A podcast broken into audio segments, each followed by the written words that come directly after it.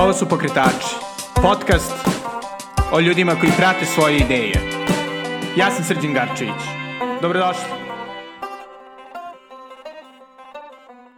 Ćao i dobrodošli u još jednu epizodu Pokretača na radioaparatu.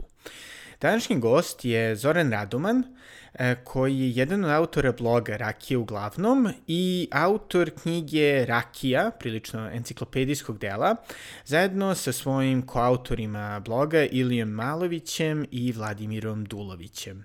Sa Zoranom sam pričao o našem e, najrasprostranjenijem piću, o uopšte tome da li ima smisla pričati o kraft rakijama, o različitim vrstama rakija, bilo da se radi od tradicionalnih, od šljive, šljive pa do novih rakija, od egzotičnih stvari kao što je ananas do naravno e, malo domaćih i čudnijih, na primjer od kupusa, e, ali i o celoj kulturi oko rakije. Pričali smo o tome kako se on i njegove kolege kroz njihov blog trude da e, promovišu rakiju, e, o raznim manifestacijama, konkretno e, jednoj fantastičnoj novoj koja se desila u Pančevu u oktobru, e, ali i o tradicionalnim, kao što je poznata rakijada u Pranjanima.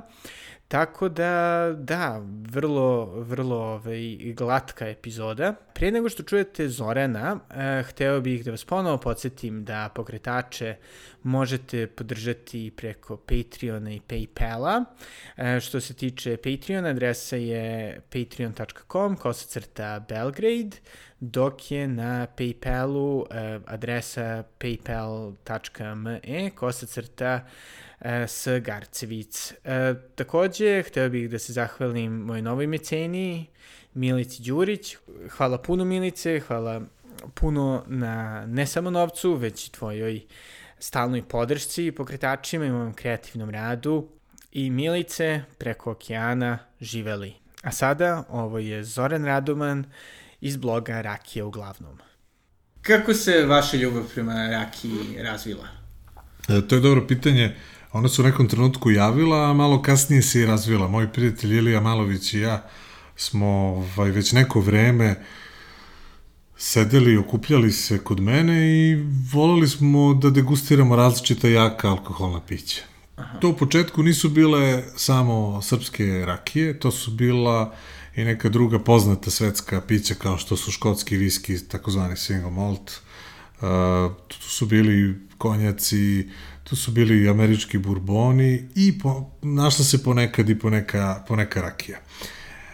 Ono što je nas prvo privuklo da tu priču razvijemo, odnosno da se ta ljubav proširi na što više rakije, u stvari svojevrstan paradoks. To je ono što ja nazivam rakijskim paradoksom. Mi živimo u Srbiji, u zemlji rakije, koja je e, nacionalni brend, jel tako, i simbol, i svi negde imamo neku rakiju ovaj, u nekom ormaru, negde sa sela, neku domaću, od prijatelja, od dede, od babe, pa i kupovno, ali tako.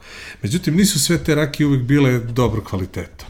Mi smo hteli sad da tu naučimo šta su sad parametri kvaliteta. Da li to samo ono što se meni sviđa ili pak ne sviđa, ili tu postoje i neki, neki objektivni parametri. I saznali smo da postoje takmičenja, festivali, ocenjivanja rakije, gde ovaj, stručne komisije ocenjuju kvalitet, ali ono čega nije bilo, pogotovo ne na internetu, su bili ti izveštaji koji su bili uglavnom jako šturi e, konfekcijski, novinarski izveštaj sa tih sajmova i festivala, par nekih foruma relevantnih gde su ljudi pisali, o, proizvođači razmenjivali iskustva i naravno sajtovi proizvođača kojih takođe nije bilo puno. Ja govorim negde o nekoj 2012. i 2013. Da, godine. Da. I uh, da uh, zaključim u ovom delu, uh, posle nekog vremena, posle nekih godinu, dve degustiranja i priča o rakiji, mi smo poželeli da napravimo neki prostor na internetu, što se sada zove blog, je tako, kakav bismo mi voleli da je postojao kao što kaže ono Dučić, jer sve što ljubimo stvorili smo sami, jel? Mi smo u stvari hteli da uh, napravimo nešto skromno i iz čistog entuzijazma, a nije, što nije postojalo na, na webu i tako je nastao blog Rakija uglavnom. Da, i ali ovaj, pretpostavljam da, da isto naravno postojala predistorija, ovaj, da li ste Uh, mislim, da li vam je rakija ili o, uopšte žestoka pića su vam bilo ovaj, od uvek, da kažem, prvi izbor ili ste krenuli prvo, ne znam, sa pivom, vinom? Odlično, odlično pitanje u kom ima istine. Naravno, još kao ovaj, ono, studentarija. Uh, uglavnom smo pili pivo. Uglavnom smo pili pivo i to je, ajde da kažemo, pivo je nekad bilo, čini mi se, a, domaće pivo, pivo iz Srbije bilo kvalitetnije nego sad i bilo je dostupnije. I pivo je bilo ono piće koje te i osveži, kad imaš malo više vremena, kada je neka prilika za, za neko druženje, popije se malo više piva, ali m, mm, nismo se tu nešto mnogo bavili e, kvalitetom piva, odnosno čak i jesmo, ali u tim godinama, krajem 90-ih i kasnije, nije postojala ta neka scena kao što postoji sada. Nije da. bilo kraft, nije bilo zanatskih pivara. Bilo je nekoliko dobrih i nekoliko ne tako dobrih uh, srpskih piva, a što se tiče manifestacija, tada je počeo i onaj Beer Fest lagano, gde smo mi uh, bili uglavnom zabrinuti da li će da dođe neko novo pivo, nešto iz inostranstva, nezavisno od onog muzičkog programa. Tako da, uh, tako da jeste, jeste. Pili smo mi ovaj, i pivo, vino možda i najmanje, protiv čega nemamo ništa, mislim, vina kao, da, da. kao proizvod, to je posebna, posebna kultura je već razvijena u, u oko vina i u svetu, pa i kod nas, da sad ne, ne razgovaramo o tome, a što se tiče tih, hajde da kažemo, destilata i jakih alkoholnih pića, dešavalo se da je naš prijatelj, recimo, njegov otac je proizvodio i sada proizvodi rakiju i mi smo se uglavnom ovaj, koncentrisani oko njegovih rakija tu vrteli šta je ovde dobro, koliko treba da bude jako, kakva je to sad šljiva, šta je tu sad, šta čini najbolju šljivovicu i neku drugu rakiju.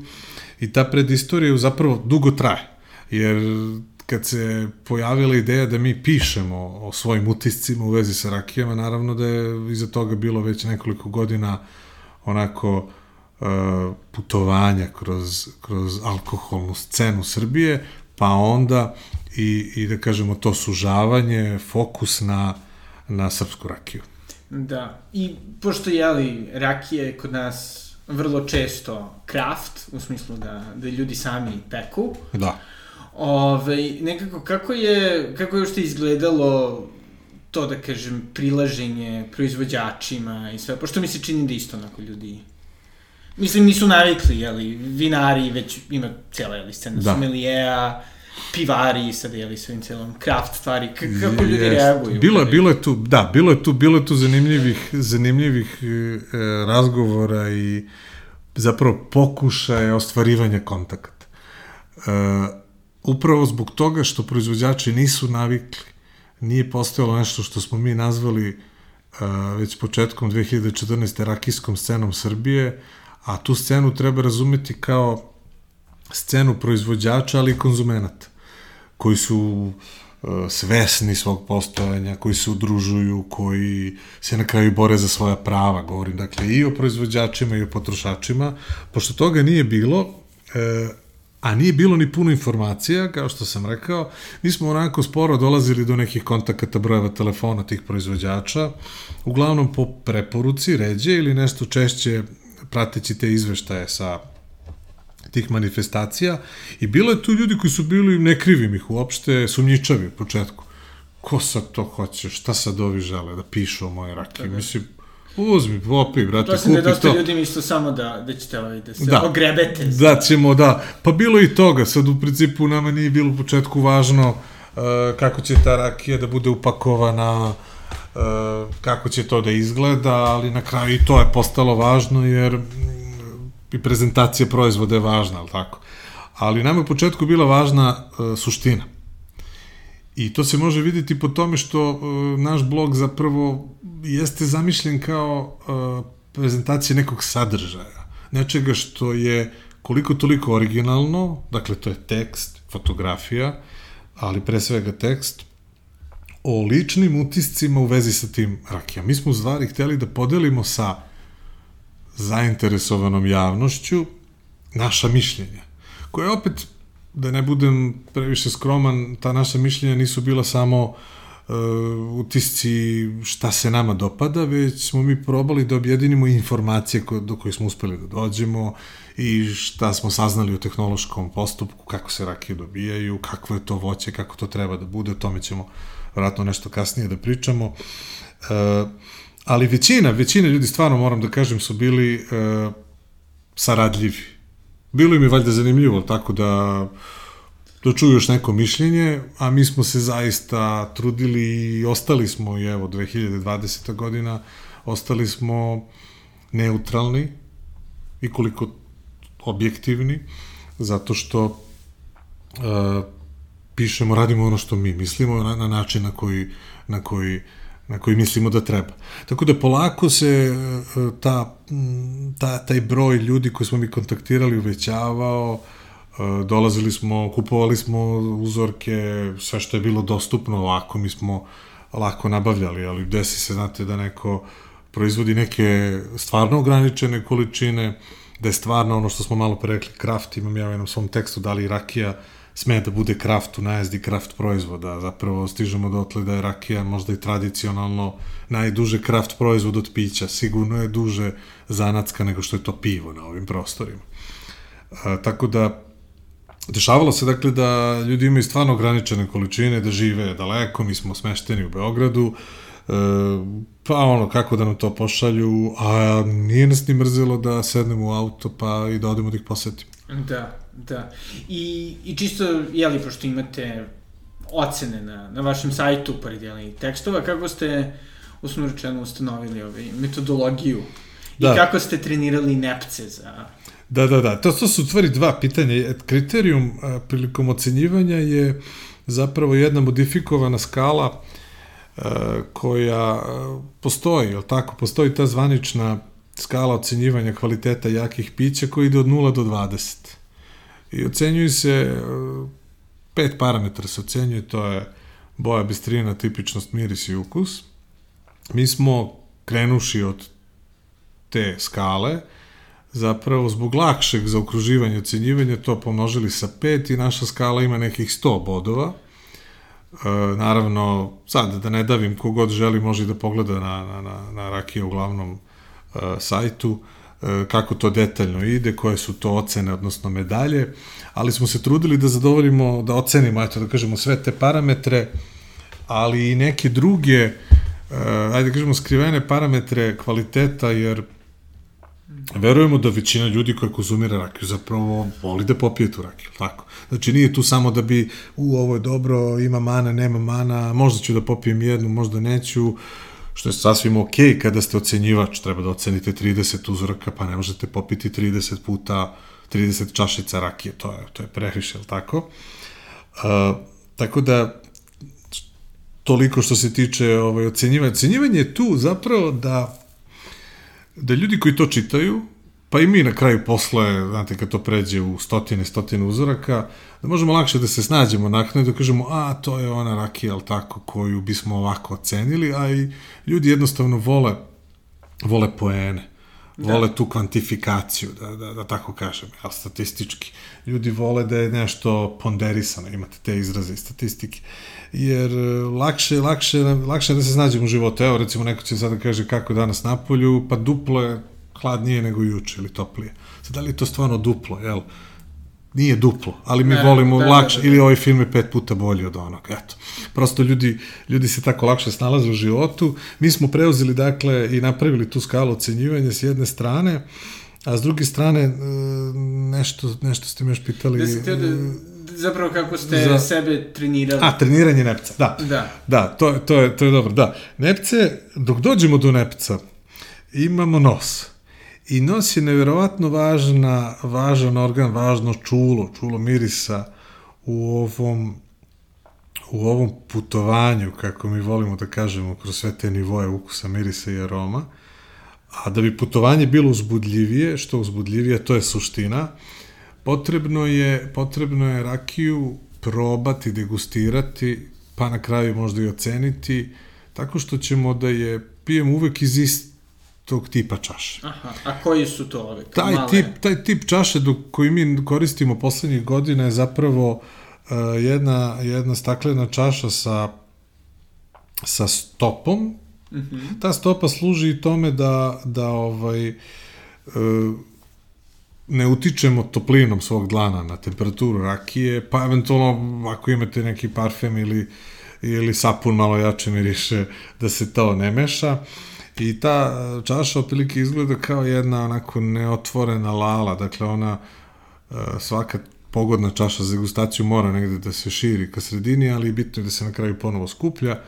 Čaše, recimo, neke manje čaše za konjak nisu loše ili tako nešto. Mi imamo neke, neke čaše koje smo našli, sviđaju nam, sviđaju nam se i ono, kupovali smo takvih čaša dosta. Uh, iz tih čaša zapravo možete najbolje da, da osetite taj skoncentrisan miris, jer je on jako važan. Prvo, uživanje počinje odatle. Ajde, možemo da kažemo da još počinje i čulom vida kada gledamo boju. Rakija treba da bude bistra, a i boja nam dosta može reći, recimo koliko je stara. S druge strane može i da nas prevari, zato što e, rakija ne mora da bude zaista toliko stara kao što izgleda, kada govorimo o boji, ali tu već miris odaje neke druge stvari kroz iskustvo, dakle to treniranje što ste malo prepomenuli je zapravo ništa drugo nego istrajnost, posvećenost i upornost. Dakle, e, razvijate svoja čula tako što jednostavno iznova probate, probate i probate. Sad kada bi to, svako koga to zanima, radio uh, nekoliko puta nedeljno, nekoliko godina, uzmite bilo šta. Možete da. probati sireve. Sad zamislite da vi 5-6 različitih sireva nedeljno probate godinama, to je onako, to su stotine i stotine sireva, pa onda da bi ne biste zaboravili, onda malo zapišete, pa onda malo čujete se sa proizvođačem, pa se raspitate kako se to dobija i na kraju se tu stekne, stekne slika ovaj, eh, o, o samom kvalitetu. Ukus, to je onako 50% ocene, uh, ukus je posebna priča i ono što bi mogu da kažem, a da je zanimljivo, da često često su rakije uh, bolje na mirisu nego na ukusu. Dakle, da. na mirisu jave neku informaciju u ovo, nešto jako dobro. A onda, da kažem, podbace na, na ukusu. Postoje dosta razloga za to. Najčešće razlog ako rakija nije baš starila kao što je deklarisano, ili ima neke druge mane koje ne mogu tako lako da se prikriju e, na ukusu. Da, i, i još jedan, čini mi se, problem koji sam ja nalazio s rakijama, u smislu, vrlo bliske srcu, e, je to da ne postoji konzistencija kod proizvođača. I ovde naravno ne pričam ovaj, ono kao, kada vam drug kaže, imam super rakiju, da ti donesem ponovo i sledeće godine. Aha. Već ovaj, ko da kažem, ono, etabliranih ili malo oficijalnih proizvođača. Ovaj, da. Jel, mislim, je li to samo moje, da kažem, ovaj, opaženje ili je nešto čime ste se vi susreli? Dakle, govorimo o nekonzistentnosti kvaliteta da, kod, da, kod da, istih znači, proizvođača, da, da, da, tako? Da, znači, da, jedna da, je super. Da, da, da li je, da li je, da li je, e, to, to je tačno, to je u, e, tačno, ali ta činjenica je, može da bude i dobro i loša. Loša je zato što mm, konzumenti, a to smo svi mi, jel? čak i da proizvodimo rakiju, na kraju smo konzumenti, E, želimo da proizvod koji nam se dopada da drži tu konzistenciju, to što smo sad rekli, znači da kvalitet bude stabilan. Međutim, rakija je onako uh, jedan proizvod koji spada, mislim, u hranu, jel, hranu i piće, on je on ima organsko poreklo, ne govorim sad ono organska proizvodnja, mada postoji i organske rakije, to, sad, to je nešto A, novo. Znam, da. To je nešto novo. Ako se može rakija nazvati organskom, a, postoji recimo jedan proizvođač. Ali e, rakija je kao, kao proizvod koji dolazi od prirode. Znate kako vinari kažu, vino nastaje u, vino, vinogradu, jel? E, može da se kaže da je rakija nastaje u voćnjaku. Voćna rakija. I samim tim godine nisu iste. To je ono na što možemo teško da utičemo. Kakav, kakav će biti kvalitet voća. Ako ne želimo da dodajemo neke stvari koje ne bi trebalo da dodajemo prilikom dobijanja rakije, šećer, neke arome, Uh, postoje, dakle, ovaj, lista stvari koje su dozvoljene i ta lista je jako mala. Dakle, što kažu, nikakva hemija ne dolazi u obzir, ne možemo da ubrzavamo neke procese i samim tim ne može ni svaka godina da bude ista. Ali kada su proizvođači ozbiljni, kada su proizvođači edukovani, kada proizvođači imaju tehnologa koji sa njima sarađuje, školovanog tehnologa, trebalo bi da ga imaju, govorimo o registrovanim proizvođačima, e, onda oni mogu da, kako ja volim kažem, da se igraju, tako i onda možete da pravite takozvane mešavine, blendove, kupaže, gde biste neki pečat, svoj aromatski pečat koji ima ta destilerija, održali. Tako što ćete možda e, mešati rakije iz različitih godina, da biste dobili nešto što je tipično za, za, za, za vas. Tako što ćete možda ovaj, malo duže ostaviti rakiju u buretu ili kraći, tako što ćete u prilikom destilacije da primenite neki postupak, to je neko odvajanje frakcija, pa sad ono neće da bude na isti način svake godine. Tako da može se postići, da kažemo, sličan kvalitet, to govorimo o aromama, a što se tiče e, tehnologije, tu ne bi trebalo da bude kompromisa, i što se tiče zdravstvene ispravnosti, takođe ne bi trebalo da bude kompromisa. Dakle, vi ne bi trebalo da kupite rakiju i da razmišljate da li će vas od nje boleti glava ovog puta ako prošle put nije ili obrnuto. Ili da li će, ne znam, ona da bude izrazito kisela ili će da ima neke mane. To, to već ne bi smelo da se desi. Znači, ja sad govorim ovde o nekim, nekim tananim, tananim Variacijama. ovaj, varijacijama, tak, tako je, koje, koje su očekivane, jer, ponavljam, proizvod nije, apsolutno nije veštački. Da. I isto tako, mislim, zato što je jeli rakija po samoj svojoj prirodi dosta raznorodna, u smislu različite rakije od različitog voća, po prirodi stvari. Da. Pretpostavljam i u proizvodnji ovaj, drugačije. Različiti su, da, različiti mislim, su vreme procesi. vrenja i svega, Tako je, da. tako je, tako je. Čak i kod istog voća, e, zavisi kada, recimo, te šljive stižu. Imate rane sorte, imate kasne sorte.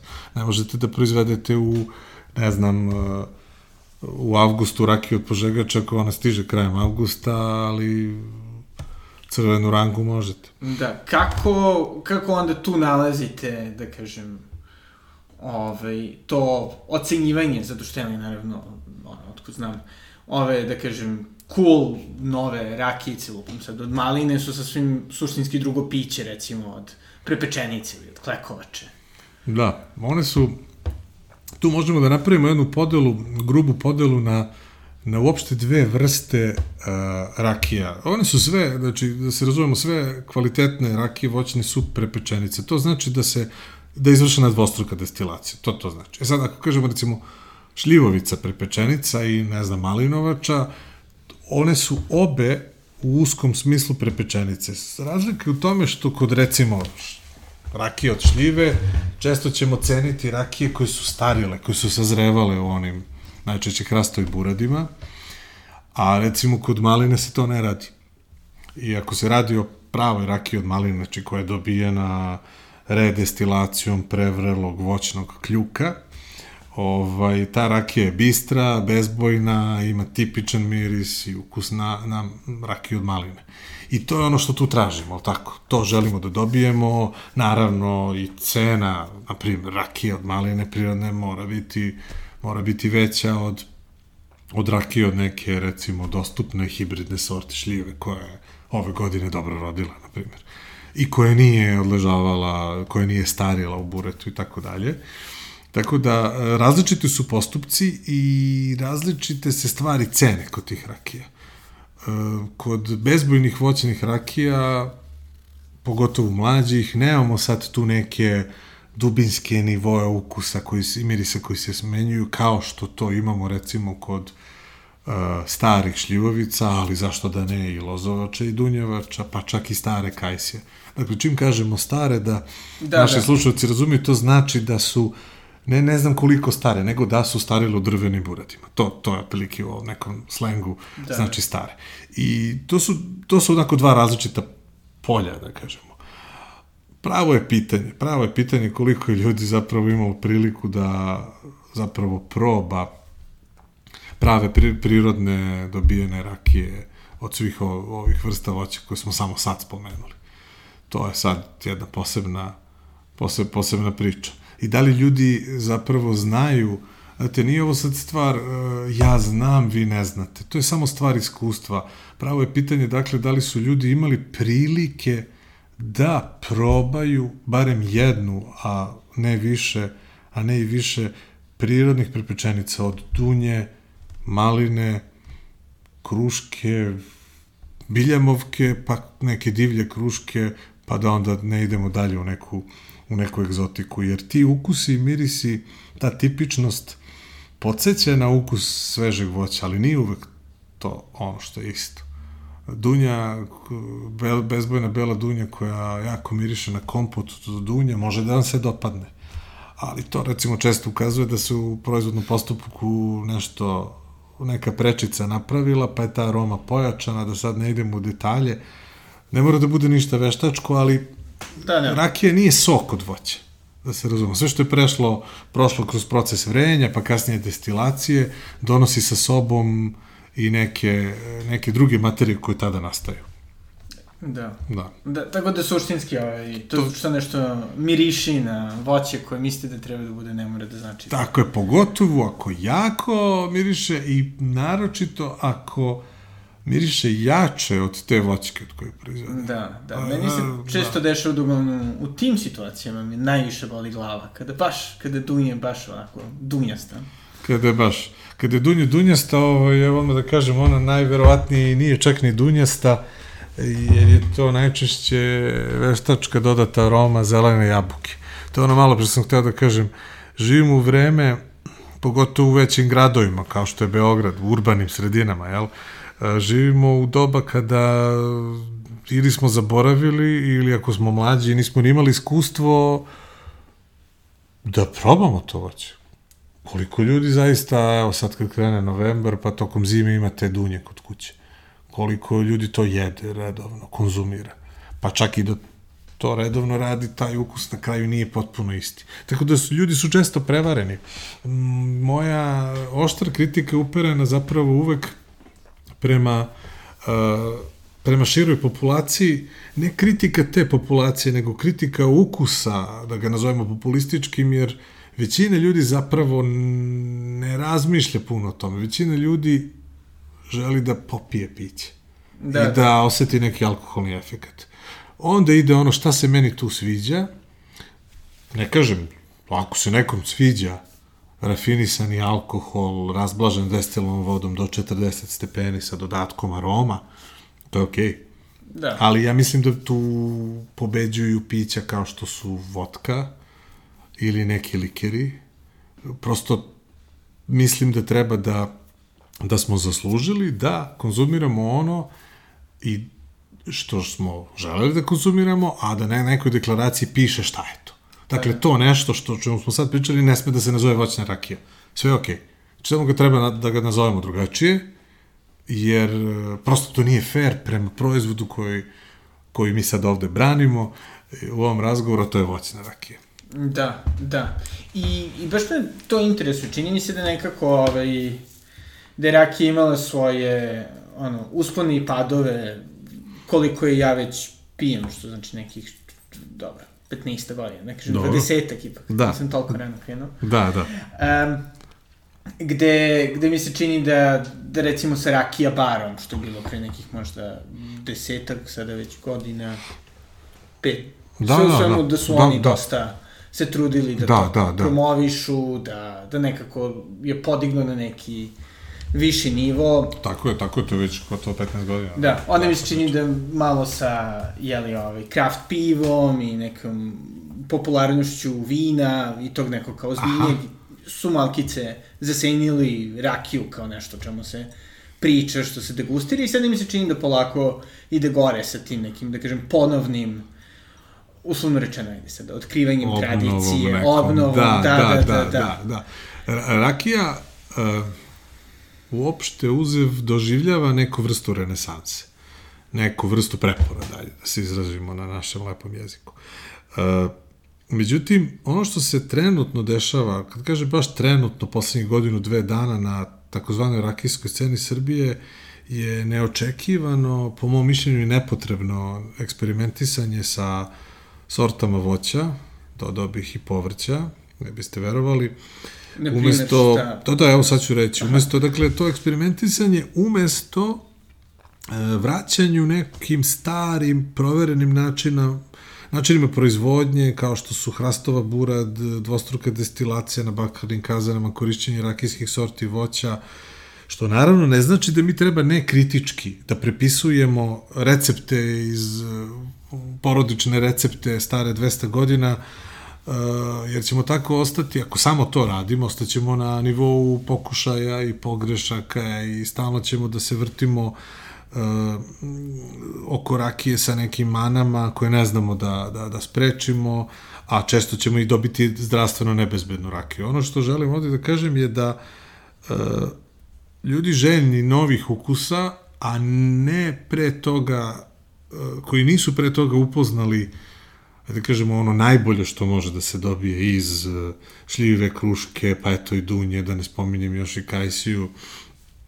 i ovaj, rakiju od grožđa. E, eksperimentiše se, da, to sam ostao dužan, da. Da, imao sam prilike da probam rakiju od šargarepe, imao sam priliku da probam rakiju od futoškog kupusa, A. a, skoro se na sceni pojavila rakija od ananasa, pa čak i od nekih redkih vrsta voća, egzotičnog voća, citrusa, gruma i tako dalje. To je, eto, onako malo ponekad deluje i bizarno, zato što a, se skreće fokus sa onoga što što zapravo zemlja ima da ponudi, to je neko kvalitetno voće, neke stare, pa čak i autohtone sorte voća, pa onda čak i rakijske sorte voća, ne samo šljiva, koje su se kroz vekove pokazale kao najbolje. Kako mi znamo da su one najbolje za rakiju? Pa tako što kada smo počeli ovo naše istraživanje, e,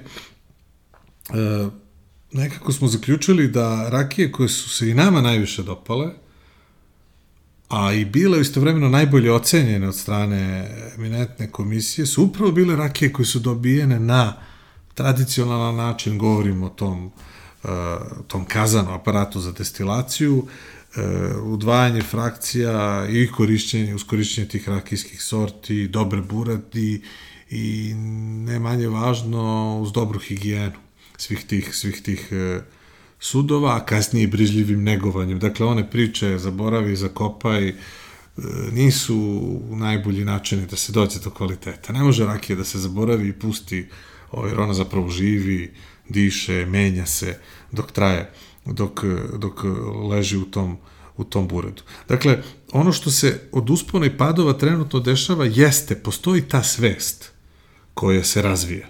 A ta svest se najbolje ogleda, spomenuli ste um, barove, dakle, ajde nazovemo to horeka sektorom nekim, uh, tu se stvari gotovo bez izuzetaka kreću na bolje, zato što uh, ljudi znaju da traže ono što im se sviđa, prepoznali su, popili su negde jednu rakiju koja je brendirana, pa traže ponovo tu rakiju, ne možete da ih prevarite, a ima pokušaja da ima pokušaja da vas neko pređe, što je možda i najgore. Znate, ako imate loš, relativno loš proizvod, kažete, evo, ovo je moja rakija, izvoli nije skup. Probaj, nećeš je više popiti, ali ako kažeš, e, ovo je ona, ona rakija, znaš onu rakiju, znam, a popiješ nešto drugo, to je, to je zločin na, na, na, na nekoliko nivoa.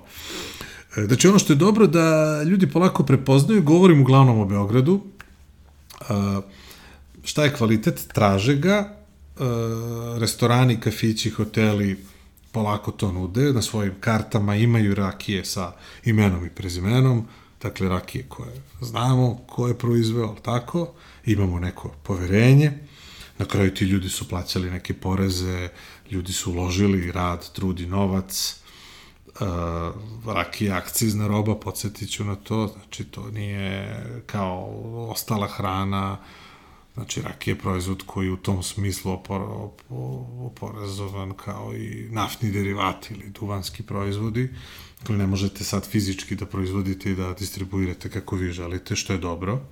Mislim da je to ipak dobro.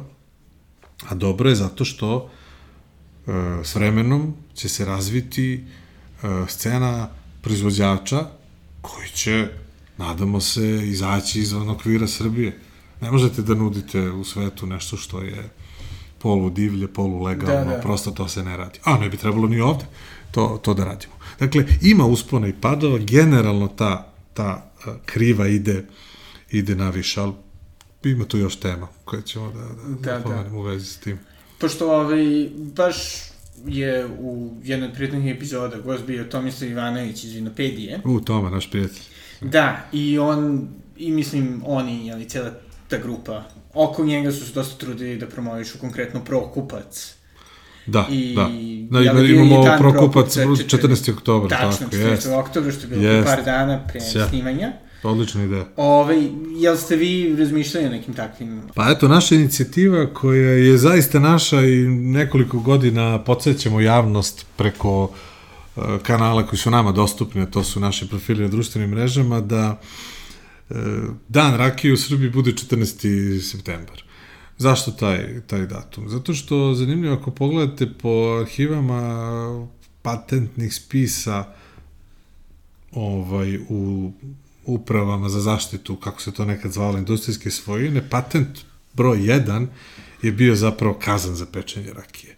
I taj e, kazan je zamislio, osmislio, nacrtao Milan T. Jovanović, kazanđa iz Novog Sada. I to je bio patent, kažem, broj 1 u tadašnjoj kraljevini Srba, Hrvata i Slovenaca i on je prijavljen 1921. godine 14. septembra upravi zaštitu industrijske svojine Nama se to učinilo kao jedan zanimljiv podatak, odnosno kao simbol. Simbol, ništa više, ništa manje od toga. Zašto je ta reč simbol ovde važna? E, volimo da kažemo da se mi bavimo i nekom vrstom razvoja rakijske kulture. Sad ta reč zvuči kultura, pretenciozno. Nemamo kulturu razvijenu na mnogim drugim uh, važnim nivoima, sad ćete vi da razvijate rakijsku kulturu. Ajde onda da kažemo, razvijemo svest, to je sigurno, ali kada govorimo o kulturi, u stvari kultura ima svoje elemente, jedan od bitnih elemenata kulture, svake kulture su zapravo simboli. Pa eto recimo još jednog od simbola, dan rakije, 14. september, mi ga onak s ponosom ovaj, ga spominjemo svake godine, pa eto, zašto da ne, možda se to, možda taj datum i zaživi. Kao, da, i sledeće kao... godine će biti velika da. godišnica, da. vek. Tako je. Da, i krenuli ste da pričate ovaj, o, o razvoju kulture. Na koji način mislite da je vaš blog tome doprino? Jel vidite da dosta ljudi komentariše, preposledno?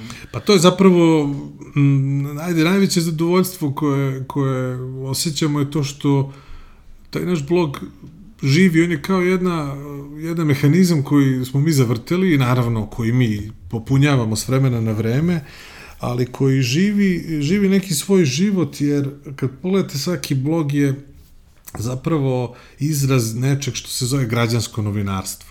Dakle, ne morate biti školovan novinar da biste pisali, s druge strane, s druge strane imate tu slobodu na internetu da, da pišete uh, o svom doživljaju, a naš doživljaj je baš kulturni u smislu da e, rakiju, uglavnom rakiju promišlja kao e, kulturni proizvod.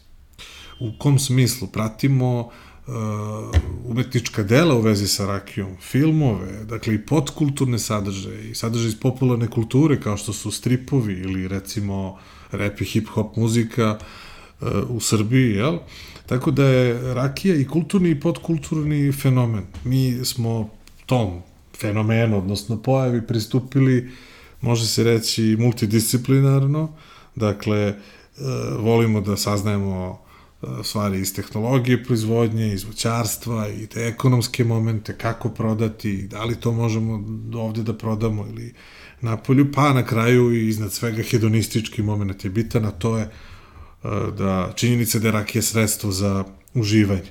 Kad pogledate i knjigu koja, koju smo napisali ovaj, Ilija Malović i ja sa kolegom Vladom Dulovićem koji je istoričar ili ja smo sociolozi, eto vidite da, da i taj ugao koji je možda nedostajao, odnosno taj kulturološki kontekst koji smo uh, dali rakiji, jer nismo hteli da otkrivamo rupu na saksiji, tako, koja već postoji i da se pravimo da mi znamo neke stvari bolje od tehnologa ili da ispravljamo tu neke e, greške, već smo upravo hteli i uspeli da sakupimo, da sintetišemo tu arheologiju znanja o rakiji koja, koja je postojala i postoji na, na prostoru Srbije.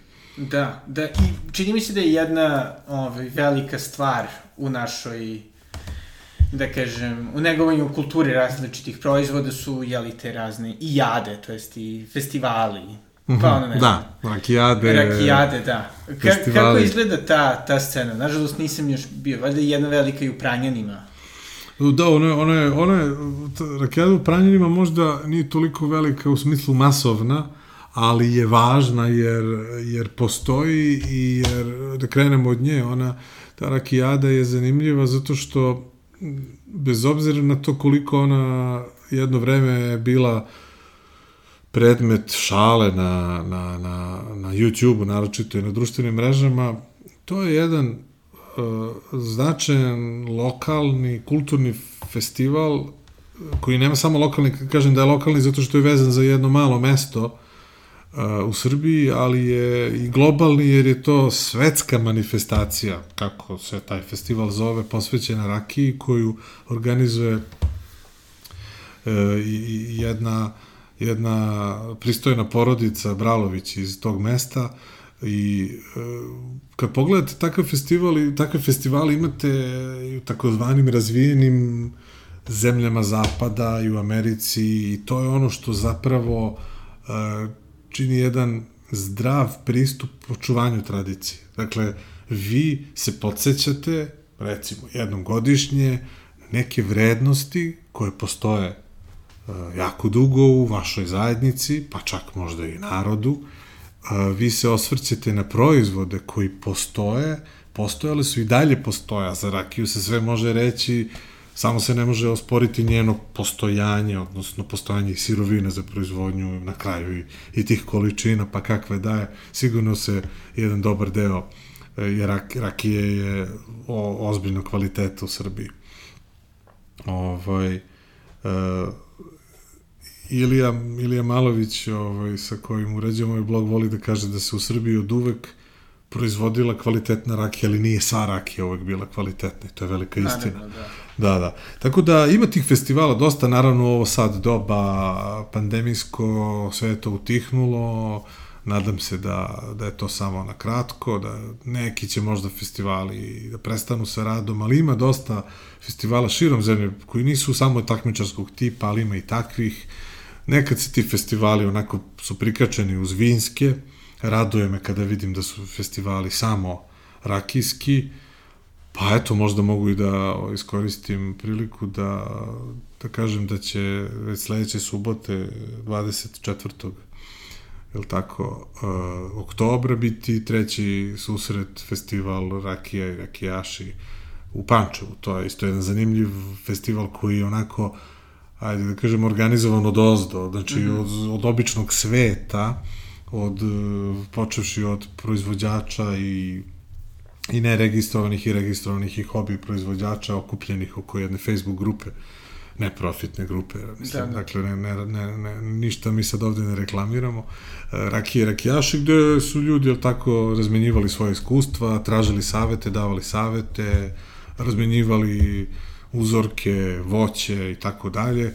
I na kraju, eto, to je isto jedan festival koji raduje me što će biti održan i ove godine sa, skoro sam siguran, naj, na, rekordnim brojem uzoraka ovaj, do sada to on će biti preko 1200 uzoraka koje, koji će biti ocenjeni. Impresivno, da. Impresivno, da. I da. hvala Bogu postoji e, Beovoz do Pančeva, tako da ne morate da vozite. Nemojte voziti ako želite da idete na ovu manifestaciju, a živite dalje od 5-6 ulica od uh, poljoprivredne škole Josif Pančić u Pančevu, ne, nemojte voziti, ovaj, već se da. snađite na neki drugi način. Da.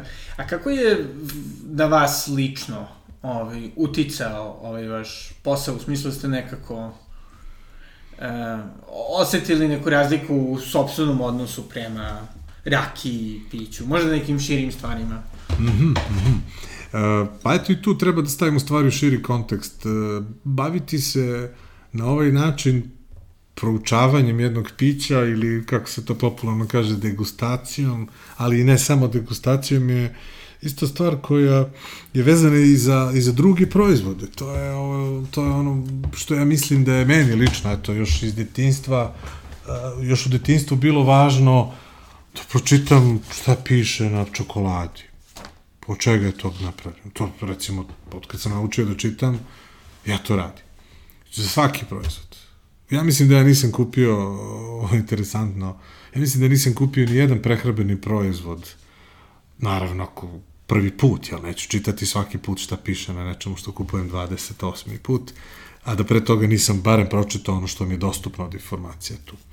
A, drugo, a, prosto volim da upoređujem ukuse, mirise, čak i nečega što više, čemu se vraćam više puta, pa naravno i rakiji. I ovaj, ono što se promenilo je dakle da čini mi se da sam usvojio tu, taj pristup koji je i slogan jednog naših proizvođača rakije, to je pite malo, ali kvalitetno. Jer zaista, uh, kada uživate u kvalitetu rakije, ono što se kaže organoleptički, a to je čulima, svim čulima, potrebno je zaista manje da biste vi uživali. To je prva mhm. stvar. Druga, taj pristup je onako opušteniji, u kom smislu?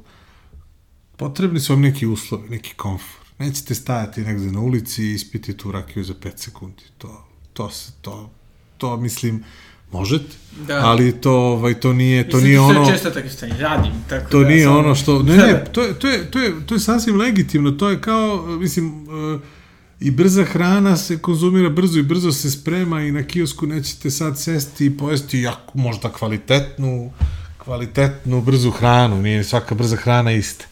Ali nećete posle toga da sednete ovaj, na, da napravite blog o pljeskavicama Beograda, tako što ćete ih jesti za 5 sekundi.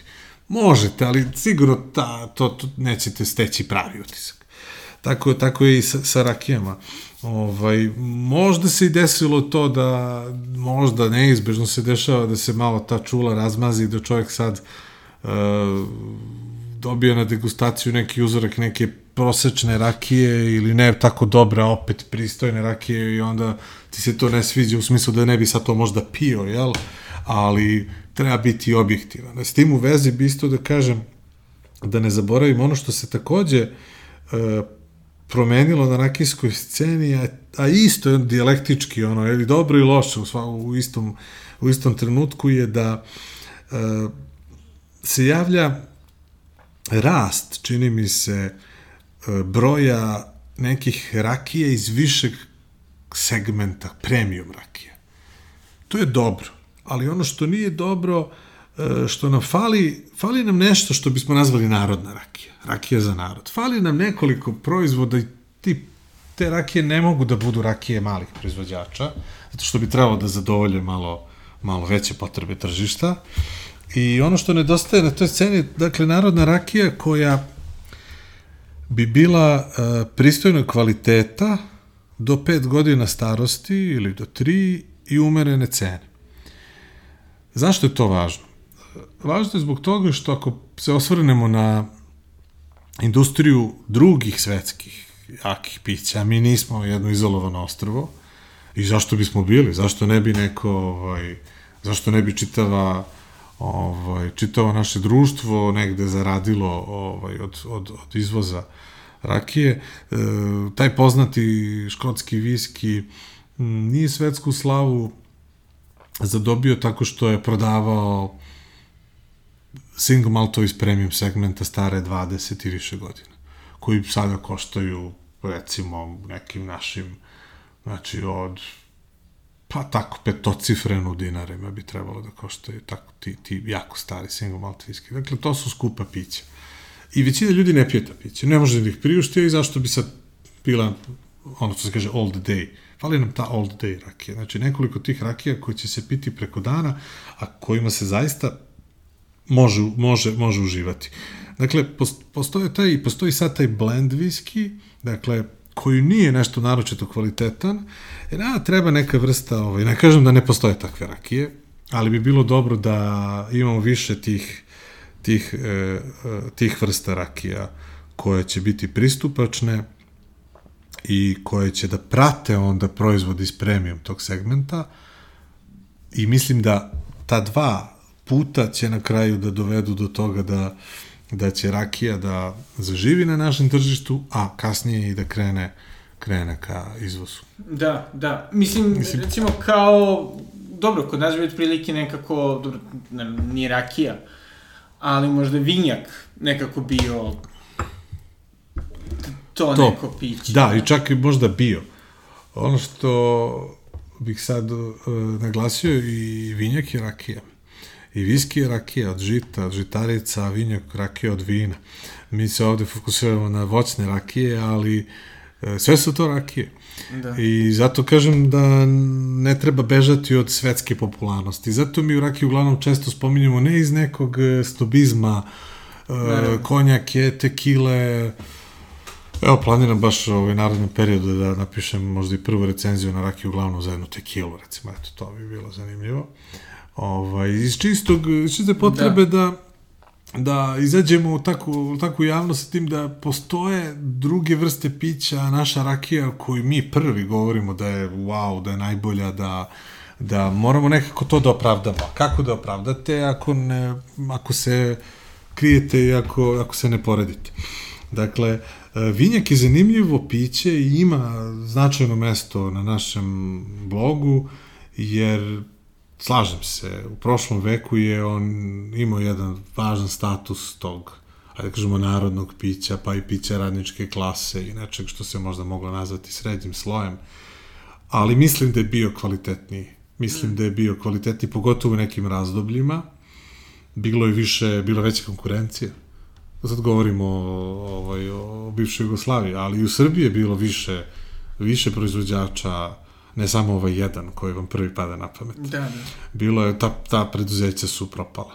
To je jedan značajan segment tih, e, pa ne nazovimo industrijom, ali to je nekad dobro radilo i ne čudi što sada nemamo takve proizvođače, ali je, ajde da sačekamo, ako se mi ne organizujemo kao društvo, da ukrupnimo tu proizvodnju, neko drugi će to uraditi umesto nas jednostavan način, kupovinom, uh, kupovinom tih proizvođača, preduzeća i ti viski koje sad svi pričamo, uh, koje svi spominjemo kao kvaliteti važni su uglavnom, većina tih destilerija je po vlasništvu nekoliko kompanija. Pa da, da, da Diageo i ti Diageo, globalni. Opet, tako je, tako je. Tako je, da sad njih ovaj, bespotrebno da reklamiramo. I važno je zaštititi tu poresku politiku, jer ako akcize rastu i prate akcize u inostranstvu i poreze, i ako treba akciza na litar domaće rakije, rakije Srbije da košta isto kao litar viskija, to malo liči na jednu, ne liči baš na fair play, ja? liči na, da. na ono, em, naše piće je već poznato u svetu, mislim na recimo viski, e, želite da ga kupite nekome, platit ćete malo veći porez, ali sirovina za dobijanje tih blend viskija smešno jeftina u odnosu i dužina staranja u odnosu na neki od naših najboljih rakija. Da, a naravno ima smisla malo protekcionizma, ovaj, to nikada... A ja zaista ovaj, verujem da, da nam nikada, kao nikada pre nije potreban taj da. protekcionizam, da. barem, barem barem u nečemu. Da. I recimo, i sada, kako se približavamo kraju, ovaj, čisto mi interesuje šta mislite da baš, ne pričamo jel, o protekcionizmu, šta mislite da srpsku rakiju čini različitom od, recimo, ne znam, šljivovica iz, uh, mislim, iz okolnih zemalja. Iz... Mhm. Da, da, da. Pa uglavnom evropskih zemalja. Da, da. da. Uh, mislim da da stavimo opet tu priču u kontekst, da ne pričamo o nečemu što ne postoji, a opet bez, bez neke želje da, da reklamiramo pojedine proizvođače. Mislim da ovom problemu, odnosno ovom pitanju najviše govori to da je odnedavno e, rakija koja je američki brend, dakle brend u, iz Kalifornije, e, se zapravo proizvodi u Srbiji. E, zašto je to dobro? To je dobro zbog toga što daje priznanje da neko ko je recimo američki proizvođač, ali tako, koji mogu da izabere, ali tako, da li će sad rakije od šljive da bude od šljiva iz Amerike, Francuske, Nemačke, Češke, uh, Bugarske. Bugarske, Hrvatske, ona baš bude i Srbije. To nije, znate, slučajno, a nije slučajno zato što verujem u to da se tehnološki postupak za dobijanje nečeg što se zove srpskom rakijom, da je taj postupak dobar, u smislu kvaliteta koji se dobija, taj postupak ne možemo sada da objašnjamo ni timo vremena, ali on je opisan u literaturi, pa i u našoj knjizi Rakija, i on je ovaj, taj postupak pre svega, tehnološki postupak koji treba, treba zaštititi zvanično. U kom smislu? Može i neko drugi to da radi. Ne, ne radi se o tome. Vi možete da proizvodite u Srbiji viski, ne možete da proizvodite skoč. Vi možete da proizvodite u Srbiji ovaj, Kalva destilat vina, ali ne smete da ga nazovete konjakom. Konjak to je grad. Glavni grad regije Šaran, to je sam, to je sad kao da neko, zamislite kako biste se osjećali kada bi neko u Francuskoj proizvodio piće koje se zove šumadija. Ne ide. Ali, možete da proizvedete piće koje je sličnog tipa. Tako da ja apsolutno nemam ništa protiv da, da se da, da i proizvođači i konzumenti izađu na crtu sa onim drugim proizvođačima voćnih rakija, naročito rakije od šljive, iz bilo koje druge zemlje. Mislim da ima, ima kvaliteta, naravno, i preko što se kaže, ali mm, u relativnim ciframa mislim da Srbija tu, tu ipak pobeđuje. Dakle, kada govorimo o broju proizvođača, kada govorimo o količini, kada govorimo o broju destilerija sa kvalitetom, mislim da tu Srbija, uh, Srbija sigurno prednjači. Voće je tu još bitan faktor, uh, zato sam se malo pre onako i kroz podsmeh osvrnuo na te eksperimente. Ok, imamo mi u Srbiji šargarepu i kupus i ovaj, ananas ćemo kupiti, jel tako, ili limun ili tako dalje, jel? ali mislim da, ili šumsku jagodu, jel? ali mislim da ipak nije e, stvar u tome, stvar u tome da rakiju dobijamo iz onoga što nam je, e, što su na vekovi kultivacije i klime i podneblja doneli, a to je najbolje voće za tako nešto. Da. Ne, tu ima tog voća naravno i okolini, ne kažem, ali kada, kada spojite to, to je, to je kultura, tradicija, voće, kvalitet voća, tehnološki način proizvodnje. Zašto da ne i popularnost? Šta će vam taj proizvod ako niko ne žele da ga konzumira? Pa da. Šta će vam, tako je, šta će vam nešto što vam nije toliko potrebno. Možete da izvozite, što je, što je sjajno ali što se rakije tiče, e, mislim da su to razlozi zbog kojih srpska rakija vodi na, na globalnom tržištu. Da, hvala, hvala puno. Ali ima još nešto što biste hteli da dodate, ovako bismo mogli ovaj, da ovaj razgovor klizi još satima i satima. Da, da, mogu, mogu bi da klizi sigurno, ima dosta tih, tih tema, ali Eto, nek bude da stanemo ovde, pa ako bude bilo potrebno, vidjet ćemo da, se još koji put. Naravno, naravno. Pa ne, ćemo popričati se, ovaj, ovaj, na neku možda, sad smo dali onako jedan uh, širok okvir zapravo tema o kojima se može razgovarati. Da, a naravno, ovaj, hvala Bogu, slušalci mogu da, apsolutno prvo, naravno, odu na, na vaš blog, da kupe vašu ovaj, fantastičnu knjigu. Jel možda i sami proizvodite rakiju, ne? Uh, mi se, uh, to je, mi se nismo usudili, naravno učestvujemo tu, pomažemo, da kažemo, ovaj, mnogim prijateljima kroz savete, kada nisu sigurni za koje voće da se opredele ili kako da urade destilaciju. Prosto su neke stvari koje, koje, koje mi već znamo, ali toliko ima, toliko ima dobrih proizvođača koji to već dugo rade i treba, treba kupiti njihov proizvod.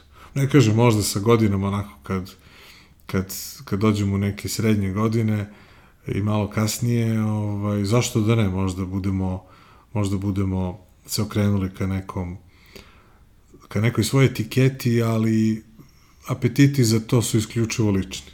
Ne, dakle, ne, ne govorimo o zaradi, već komercijalni stvari, već govorimo o tome, eto, zašto, zašto ne bismo možda imali u nekom trenutku ovaj, uh, jednu svoju rakiju. Da, da. Da.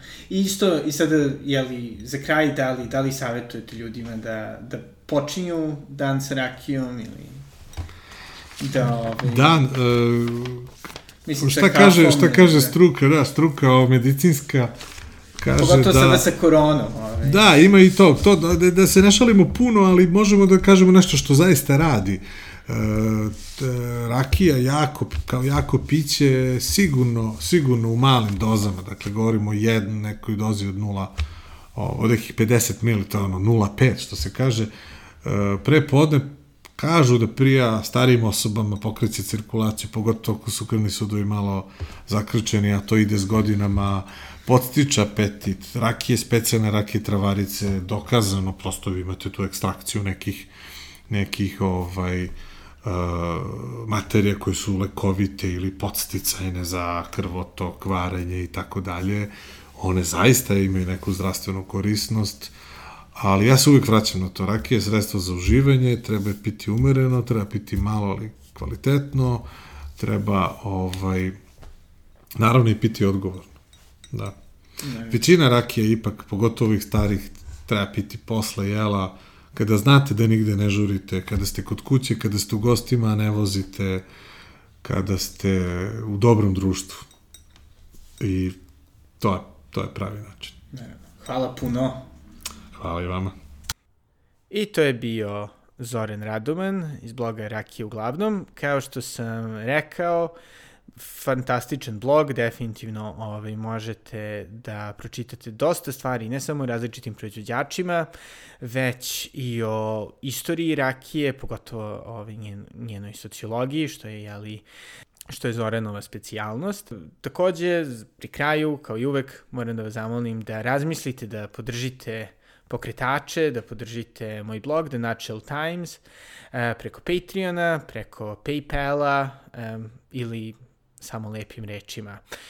hvala puno mecenama, moram da, da ponovim koliko znači kada ste ovaj, mali autor, da uopšte neko smatra da je ono što radite dovoljno vredno da vam da bilo šta, vi to svako radite, hvala vam najlepše i do sledećeg slušanja, živeli!